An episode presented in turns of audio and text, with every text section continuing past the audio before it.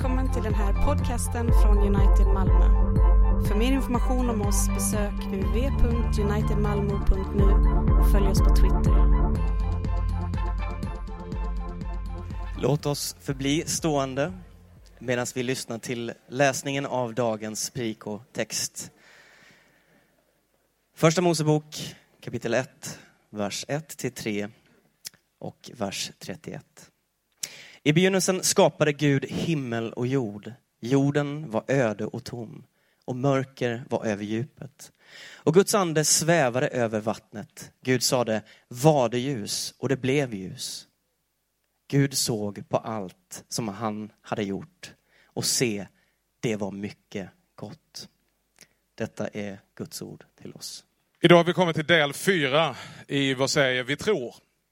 Och vi tror en hel massa, som du hörde här i trosbekännelsen.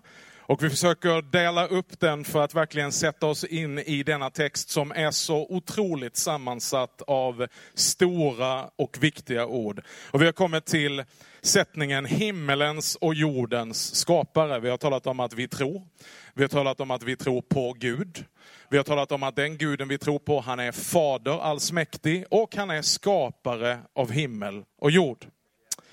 I frikyrkan och väckelsetraditionen som en hel del av oss är en del av, så ställer vi ju ofta frågan, eller kanske har du hört frågan ofta, har du tagit emot Jesus som frälsare? Vi, vi talar väldigt mycket om Jesus helt enkelt, och det är bra, eller så brukar vi säga Jesus.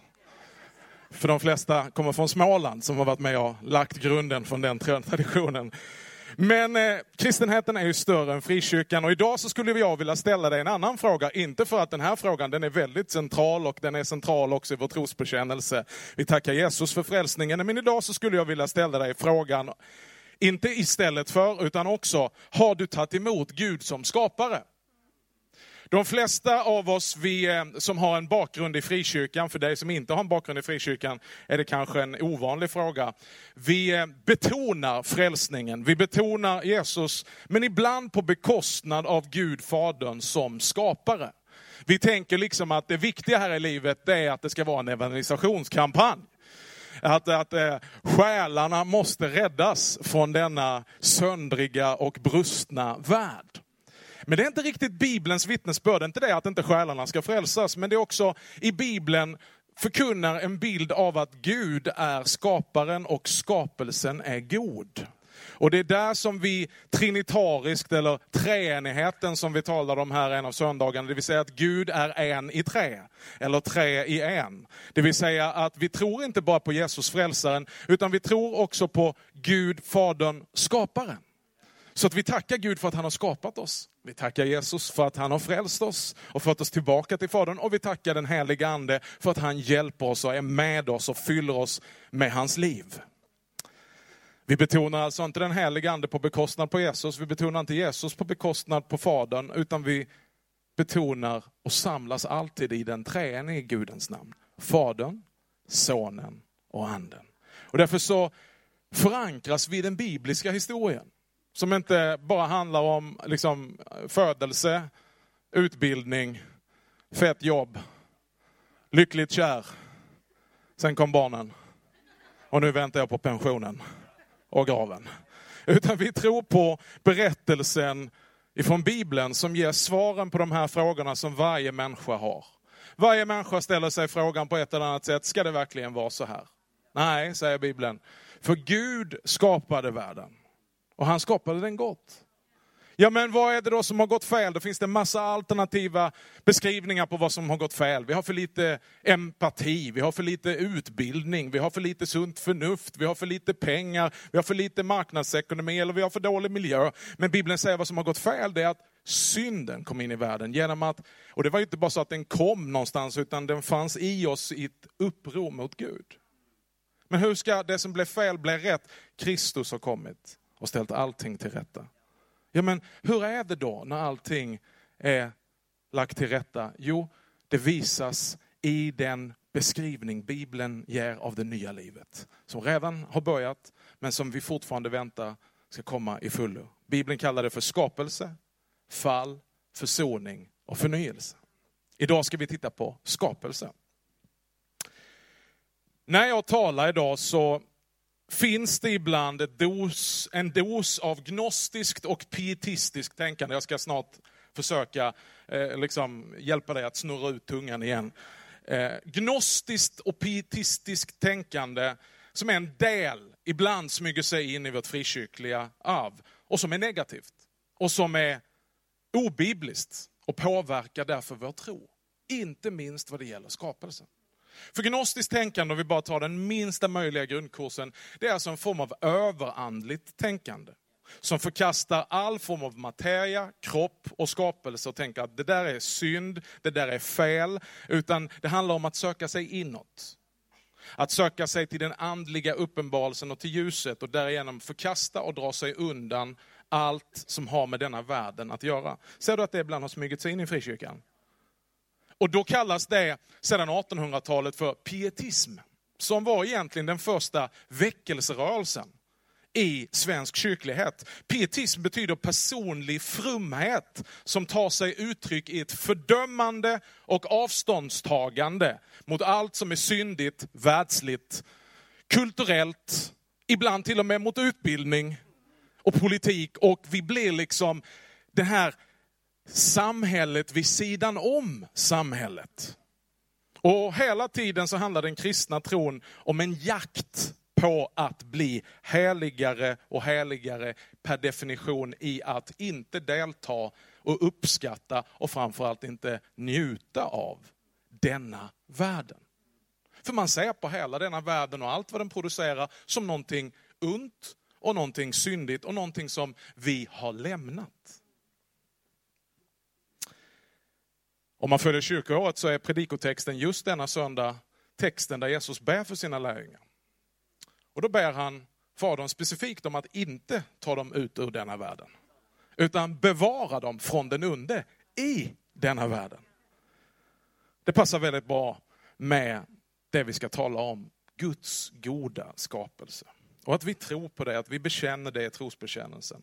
Att han är himmelens och jordens skapare. Jag skulle vilja uppmuntra dig att pröva dig själv utifrån det jag har sagt här nu till inledning. Är du påverkad av detta tänkesätt? Sätter du frälsningen framför skapelsen? Det vill säga, vi är väldigt tacksamma för frälsningen. Vi kommer snart dit. Så alla du som har frågat, men Jesus då? Ja, han kommer vi snart till i trosbekännelsen. Det är därför vi ska hålla på hela hösten. Men är det så att du kanske tackar Gud oftare och mera, antagligen är det så om du har en frikyrklig bakgrund, för just frälsningen och för Jesus.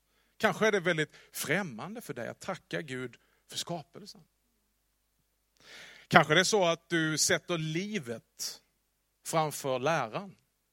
Ja, det viktiga är inte vad vi säger. Det viktiga är inte vad vi tror. Utan det måste ju fungera. Det måste ju synas i frumhet i livet. Kanske du säger att det är upplevelsen som är viktigare än uppfattningen. Och således då tycker du också att man sätter kyrkan mot världen. Du får pröva dig själv.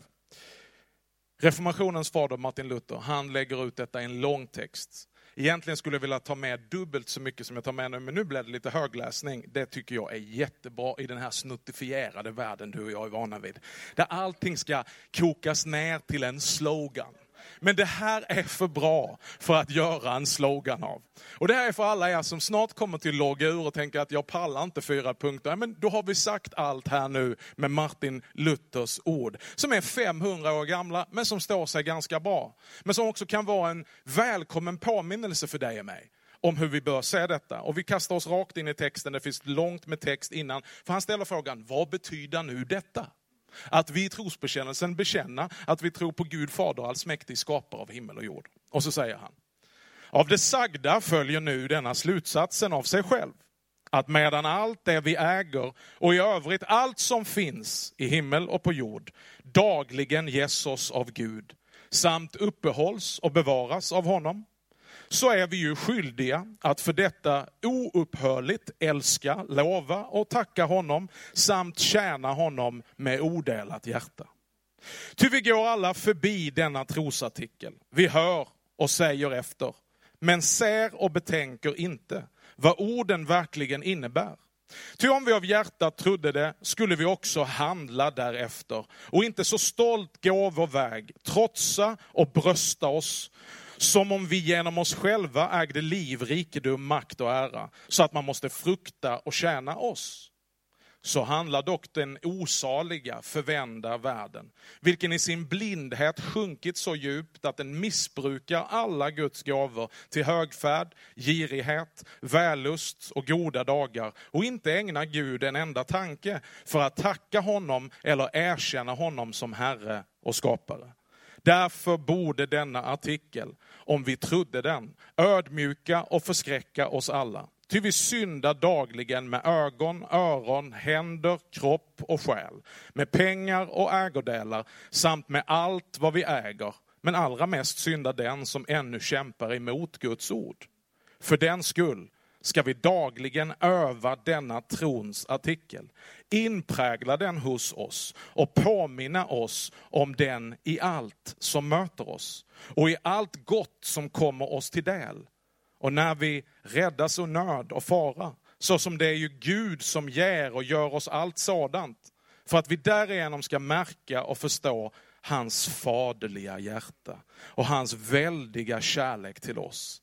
Därför borde vårt hjärta värmas och upptändas till tacksamhet, så att vi brukar allt detta goda till Guds ära och pris.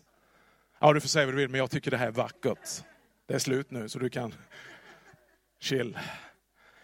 Och det är detta vi ska titta lite grann på, för att min hela målsättning är att du ska landa i att denna sanning, att Gud är himmelen och jordens skapare, ska ge dig tröst och trygghet. Att du ska få se Guds faders hand i det att han är din försörjare. Att han är den som beskyddar dig. Att han är den som tar hand om dig, för han är den som har skapat dig. Han är den som råder över allting i hela universum. Det var det vi läste ifrån Bibelns första vers i dagens text. Och det är den texten vi ska lägga ut från första Mosebok 1, vers 1 till och med 3 och sen vers 31. Och fyra enkla sanningar. Det första är, Gud som skapare är grunden för allt. Bibeln börjar ju med de här fantastiska orden. Så fort du slår upp Bibeln och börjar läsa den från början så börjar det i begynnelsen skapade Gud himmel och jord. Detta är grunden för allt. Detta är grunden för vår frälsning. Detta är grunden för vår trygghet. Detta är grunden för vår tillbedjan. Detta är grunden att Gud kan göra anspråk på oss och på sin skapelse. Av den enkla anledningen, det är hans. Det var han som gjorde den. Det var han som skapade. Det var han som tog initiativet. Det är inte så att han var byggnadsnämnden i universum och det kom in en ansökan om ett nytt uterum höll jag på att säga. Utan han själv av sin överflödande kärlek i treenigheten. Kom ihåg det att de är tre i en. Många vill säga så att Gud skapade för han kände sig så rysligt ensam. Men det hänger inte riktigt ihop med vår bekännelse, för i Gud finns inga behov. Han är fullständigt förnöjd. Han behöver ingenting annat för att bli nöjd. Det är viktigt för oss att förstå att hur mycket han än älskar dig så behöver han inte dig för att han ska må bra. Det är lite annorlunda med dig och mig. Vi behöver honom för att vi ska må bra. Vi måste förstå att Gud är helt tillfyllest i sig själv. Helt och hållet tillfredsställd. Men precis som ett par, ett par, en man och en kvinna, att deras kärlek bär frukt i barn så är kärleken i treenigheten och beslutet och viljan grunden för att allt det du ser och allt det du inte kan se finns till. När vi läser skapelseberättelsen, och kanske har du läst den i skola eller högskola eller dissekerat den och bevisat liksom hur ohållbar den är, så håller jag bara med dig. Det är inte därför den finns i Bibeln. Den finns inte där för att beskriva vetenskapligt hur jorden skapades. Utan den har bara som uppgift att berätta för oss att den skapades och vem som skapade. Det finns utrymme i denna skapelseberättelse för en mängd olika processer. Det har absolut inte med Bibelns vittnesbörd att göra hur lång tid det tog, vem som kom först. Utan det som är viktigt och det som det vill belysa, det är att just Gud är himmelens och jordens skapare. Att det vi ser är skapat av han som är oskapad. Det vill säga, Gud har funnits till från evighet till evighet och redan där svindlar tanken. För du och jag, vi är ju skapade till Guds avbilder. Vi vill ju gärna ge tillbaka den tjänsten och skapa om honom till våra avbilder. Vi tänker, Gud är lite som jag i en god version. Skillnaden är bara att du och jag är skapade och därigenom begränsade. Gud är helt obegränsad. Gud står utanför tid och rum. Och därför så är det på hans initiativ allting finns till. På grund av detta, som jag sa, så har Gud anspråk på hela skapelsen. Han har definitionsrätten i skapelsen. Vad som är rätt, vad som är riktigt och vad som är normalt. Det är ingen annan än honom som har originalritningen. Därför så kan han kräva precis vad han vill. Han kan göra precis vad han vill. För han råder och regerar. Om man då inte känner Gud och tänker att han är en despot, en diktator, då finns det all anledning att frukta. Men om man har lärt känna Gud, som vi ska tala om alldeles strax, så blir detta en vila, en trygghet och en förtröstan. Att hur än despoterna och diktatorerna av den här världen stimmar och stojar, så vet vi ytterst sett så leder Gud världen precis dit han vill. Det kan komma massvis med reaktioner mot en sån sättning när man bara tittar ut hur världen ser ut idag. När man ser på miljön, när man ser på krigen och konflikterna som kryper närmre våra gränser. När man ser på tiggarna som blir fler på våra gator. Men det är just i de situationerna, inte när allting är gudalikt. Utan när det ser ut som att djävulen själv drar fram på våra gator, det är då vi måste luta oss emot. Jag tror på Gud Fader allsmäktig, skapare av himmel och jord. Synden är att vi inte bekänner Gud som skapare. Och därför lever i uppror mot Gud.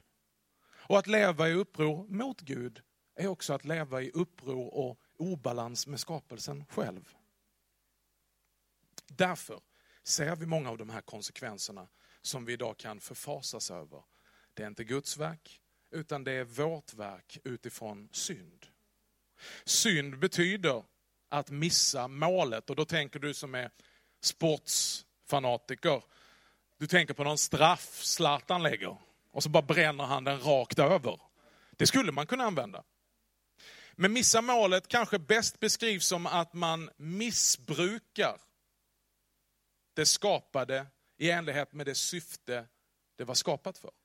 I somras så var jag tillsammans med min kära vän Robert. Jag passar på att berätta den historien idag eftersom inte han är här. Robert är ett verktygsgeni. Vi behövde snabbt, medan vi grillade, slå in en spik. Han hade ingen hammare till hands, men det fanns en glasflaska. Det förstår ju vem som helst att om man vänder på ett glasflaska så kan man ju lite lätt använda den som en hammare. Det gjorde vi också. Var på vi inte fick gjort det vi skulle göra. Glasflaskan gick i sönder och så gjorde också handen som höll i glasflaskan. Man kan kunna säga att det där är synd. Det är att använda något genom att missbruka det på så sätt att man inte använder det till vad det är skapat för. Det är inget fel på flaskor, det är bara att de inte är skapade för att slå in spikar. De är användade för att bära vätska som vi sen kan dricka. Det funkar perfekt. Men det är när man brukar dem utanför sitt skapade användningsområde som saker och ting går i sönder. När du då tittar på världen och skapelsen och människorna och säger, hur kan det finnas en Gud när allt går i sönder? Ja, det har inte så mycket med Gud att göra, utan att vi lever i synd. Det vill säga att vi brukar våra liv, våra kroppar, våra sinnen, våra händer, våra ögon, skapelsen själv, utanför det tänkta användningsområdet. I uppror mot Gud.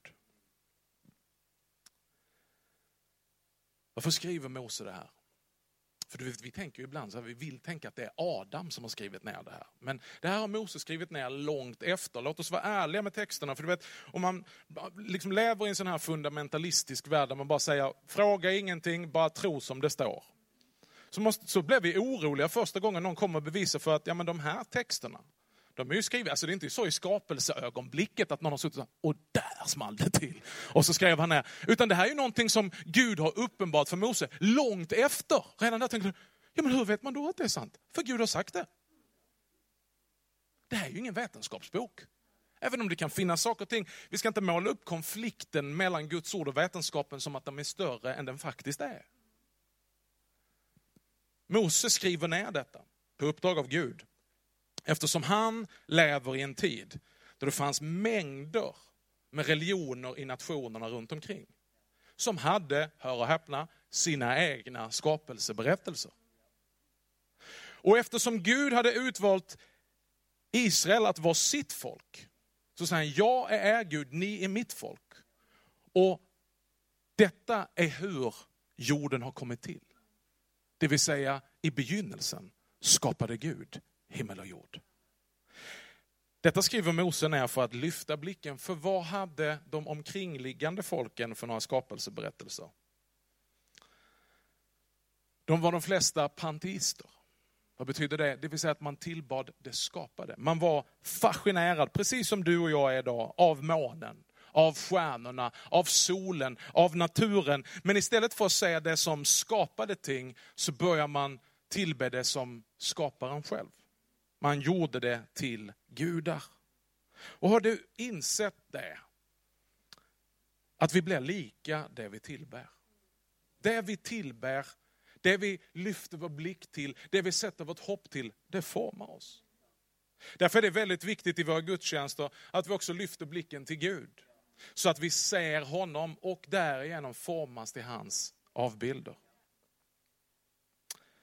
När människorna runt omkring började tillbe det jordiska och det skapade, så sänktes också deras medvetande. De blev ganska primitiva. Ett människoliv var inte så där jättevärdefullt.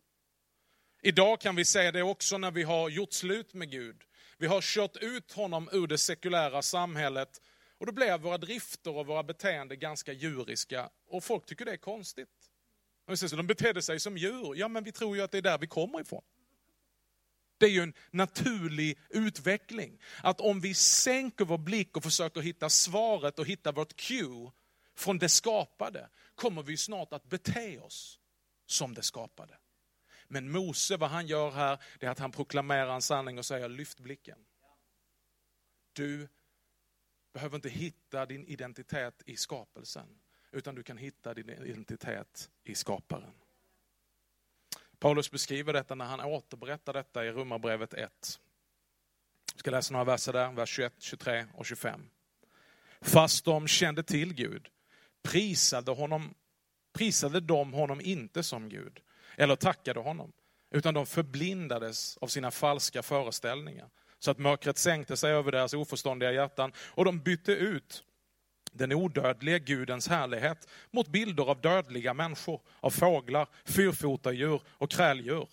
De bytte ut Guds sanning mot lögnen och tog sig för att dyrka och tjäna det skapade istället för skaparen. Det är väldigt enkelt just nu i predikan, mitt i värmen, känner du den? Visst är det härligt att sommaren dröjer kvar här inne? Att tänka att ja, men det är ju de där primitiva nationerna och religionerna du talar om nu. Men jag talar om mig. Jag talar om dig. Det här lever du och jag ständigt innan vi glömmer bort var vi kommer ifrån, vem vi tillhör och var vår lycka finns. Då vänder vi vår blick, precis som Israel gjorde. Fast de visste att vi tillhör ju den levande guden, Israels Gud. Vi kommer ifrån honom. Så börjar man titta på dem runt omkring och vill göra lite som dem.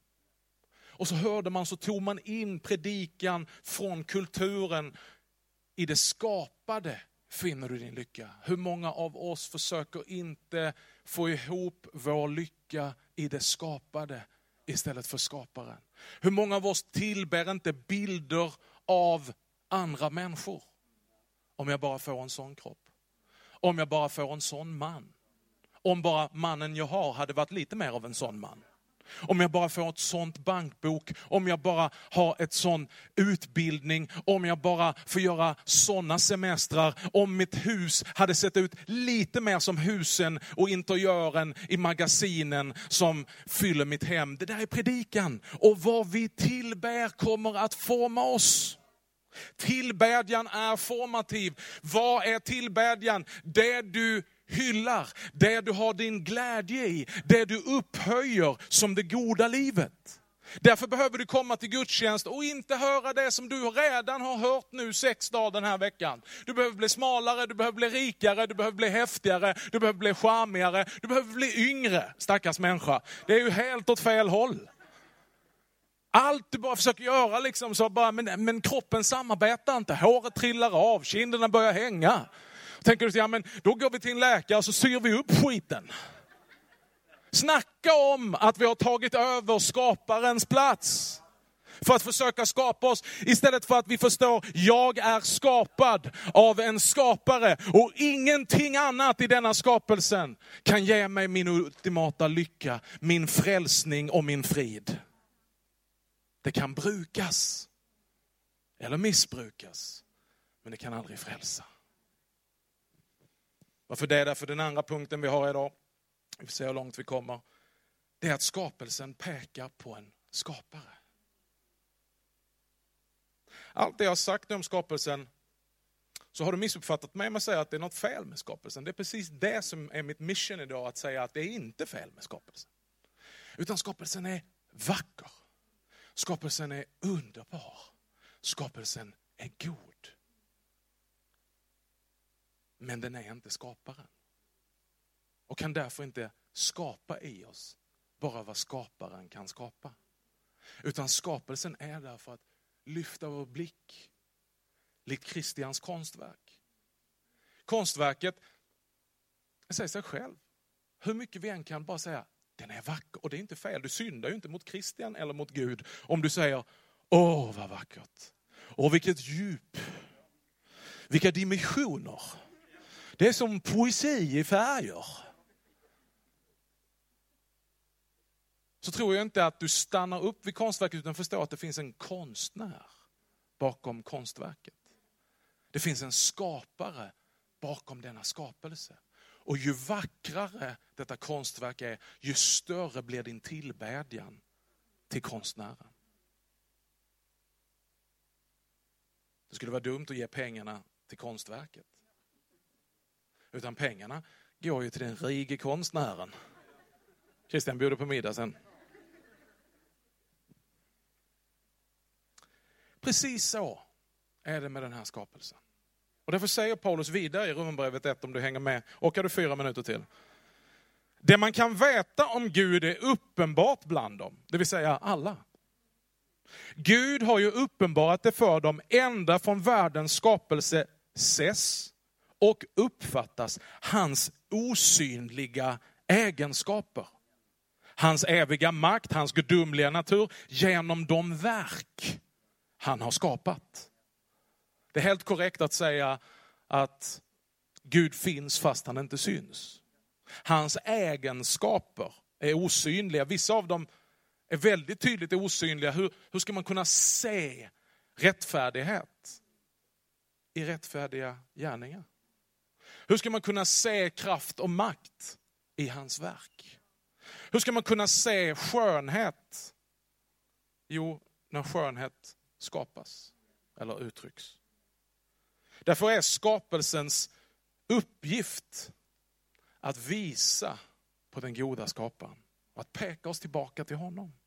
Att inte uppta oss så mycket så att vi fastnar i skapelsen. Eller att vi blir så rädda för skapelsen att vi flyr den, för då missar vi någonting i vår tillbedjan. Inte att tillbe skapelsen, det är inte det jag säger, utan att använda skapelsen för att till Guds ära njuta av den. Lyssna. Vi har alla gjort det. Njutet av syret.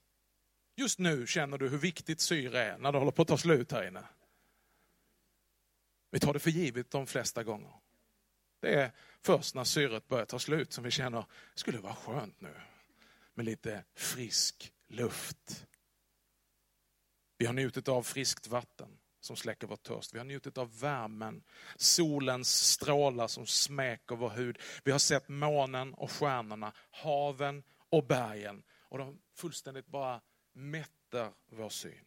Vi har sett soluppgångar och solnedgångar. Vi har sett de oändliga himlarna och rymden. Vi har smakat vad den goda jorden förmår att ge oss i form av frukter och säd. Vi har njutit av mat och vin. Du har sett de vackra landskapen. Vi har sett de mest fantastiska och ibland knasiga djur. Hello Discovery Channel.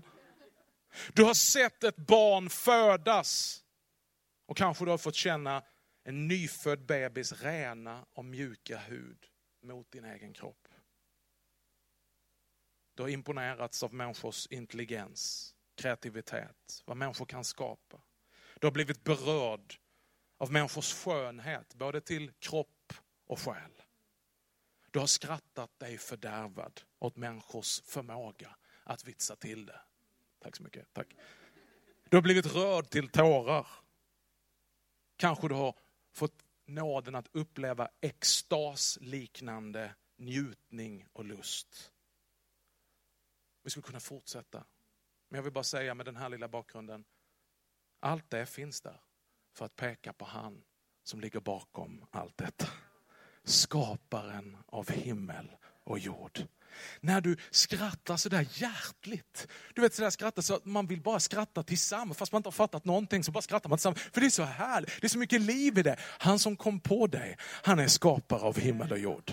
Han kommer inte från Comedy Central, utan han kommer från himmelriket. Han är universums härskare. När du får känna och ta emot någonting som berör dig så djupt så att du känner att nu, nu är det okej, okay. nu kan du dö och gå hem. Och tårarna är inte smärtsamma utan de är varma och du känner, jag bara vill gråta. Han som har skapat den känslan, det är himmelens och jordens skapare. När du har satt tänderna i så frisk och mogen och rik frukt. Om du har varit i södra Europa. Och du bara känner att det är smaksensationer. Det är som ett litet nyårsafton inuti dig. Han som har skapat detta är himmelen och jorden skapare. När du ser ett barn som har kommit rakt ut ur moderns liv. Navelsträngen är precis klippt och det är tillsnyggat lite grann och det luktar på den här huden. Alltså det, det är skäl nog att skaffa barn. Hem och uppfyll Herrens befallning. Föröka er, uppfyll jorden. Det är något otroligt vad sen synden i världen kan göra med dessa små stackare. Men du vet, det är, det är något skapelsens mirakel. När du ser vad folk kan skapa. För att vi är skapade till hans avbilder. Hur folk kan tänka ut, hitta lösningar och se till att vår värld går framåt. Så är det bara en liten hint om vad som finns. Han säger lite grann, there is more from where that come from. Han är intelligensen bakom hela skapelsen. Och allt detta finns där för att vittna om hans skönhet, om hans storhet. Vi lär helt enkelt något om skaparen i skapelsen, när vi deltar i den. Det fantastiska är att Gud, du, vet, du och jag, vi är skapade till hans avbilder så vi kan skapa av någonting. Ger du Christian lite, jag vet inte vad jag promotar dig. Vi kan diskutera vad... Ger du han en, en penna eller en pensel ännu bättre och lite kanna, vad heter det? Duk heter det. Då kan han utifrån det som finns skapa fantastiska saker som finns i hans sinne. Men att Gud är snäppet värre. Han skapar från ingenting allting. Han är helt fri. Han är helt obegränsad. Han är helt utanför. Du vet när han behöver någonting, då talar han och så blir det. Det är så Gud skapar. Kan be lovsångstimmet komma upp så ska vi landa i kanske den viktigaste punkten. Skapelsen är god och ska därför inte föraktas utan förvaltas. Vi landar tillbaka till texten i första Mosebok. I vers 31 så står det att Gud såg på allt han hade gjort Ibland kan det vara viktigt att stryka under just ordet allt. Och säga, det var mycket gott. Du vet när vi lär känna Gud så blir vi som honom. Då blir vi sådana så att vi behöver inte känna dåligt samvete att vi går och ser på saker och tycker att det är gott. Det är där pietismen och frikyrkligheten kanske har begränsat livet för somliga av er. Det har inte varit liksom aktuellt att se på saker och njuta av det. Att smaka på ting och känna, nu är jag nära Gud. Inte för att jag tillber det jag äter, eller att jag tillber skapelsen, utan för att skapelsen ger mig anledning att se Guds storhet. Att precis som Paulus säger, att vi har ingen ursäkt att i skapelsen ser vi hans osynliga egenskaper. Problemet är att vi människor i religionens namn har alltid velat skilja på kroppen och anden. Det naturliga och det övernaturliga, himmel och jord. Det kyrkliga och det världsliga. Men vi behöver istället ha en god skapelseteologi. Därför så behöver vi ta till oss, skydda, vårda, förvalta och njuta till Guds ära. Allt det goda i skapelsen som han ger oss rikligt från sin faders hand. Det säger lite om vem Gud är. Va? Gud, han har inte fått plats i ett kloster.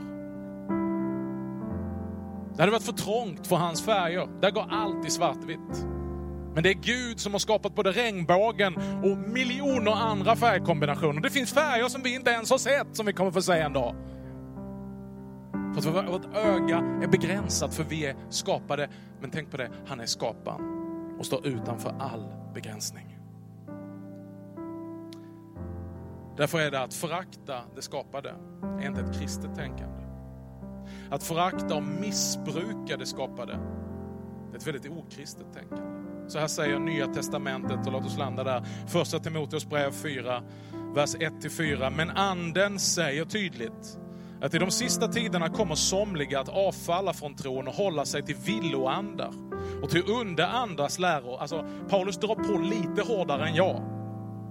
De kommer att förledas av hycklare och lögnare som är brännmärkta i sina samveten, som förbjuder folk att gifta sig, befaller dem att avstå från mat som Gud har skapat för att tas emot med tacksägelse av de som tror och känner sanningen.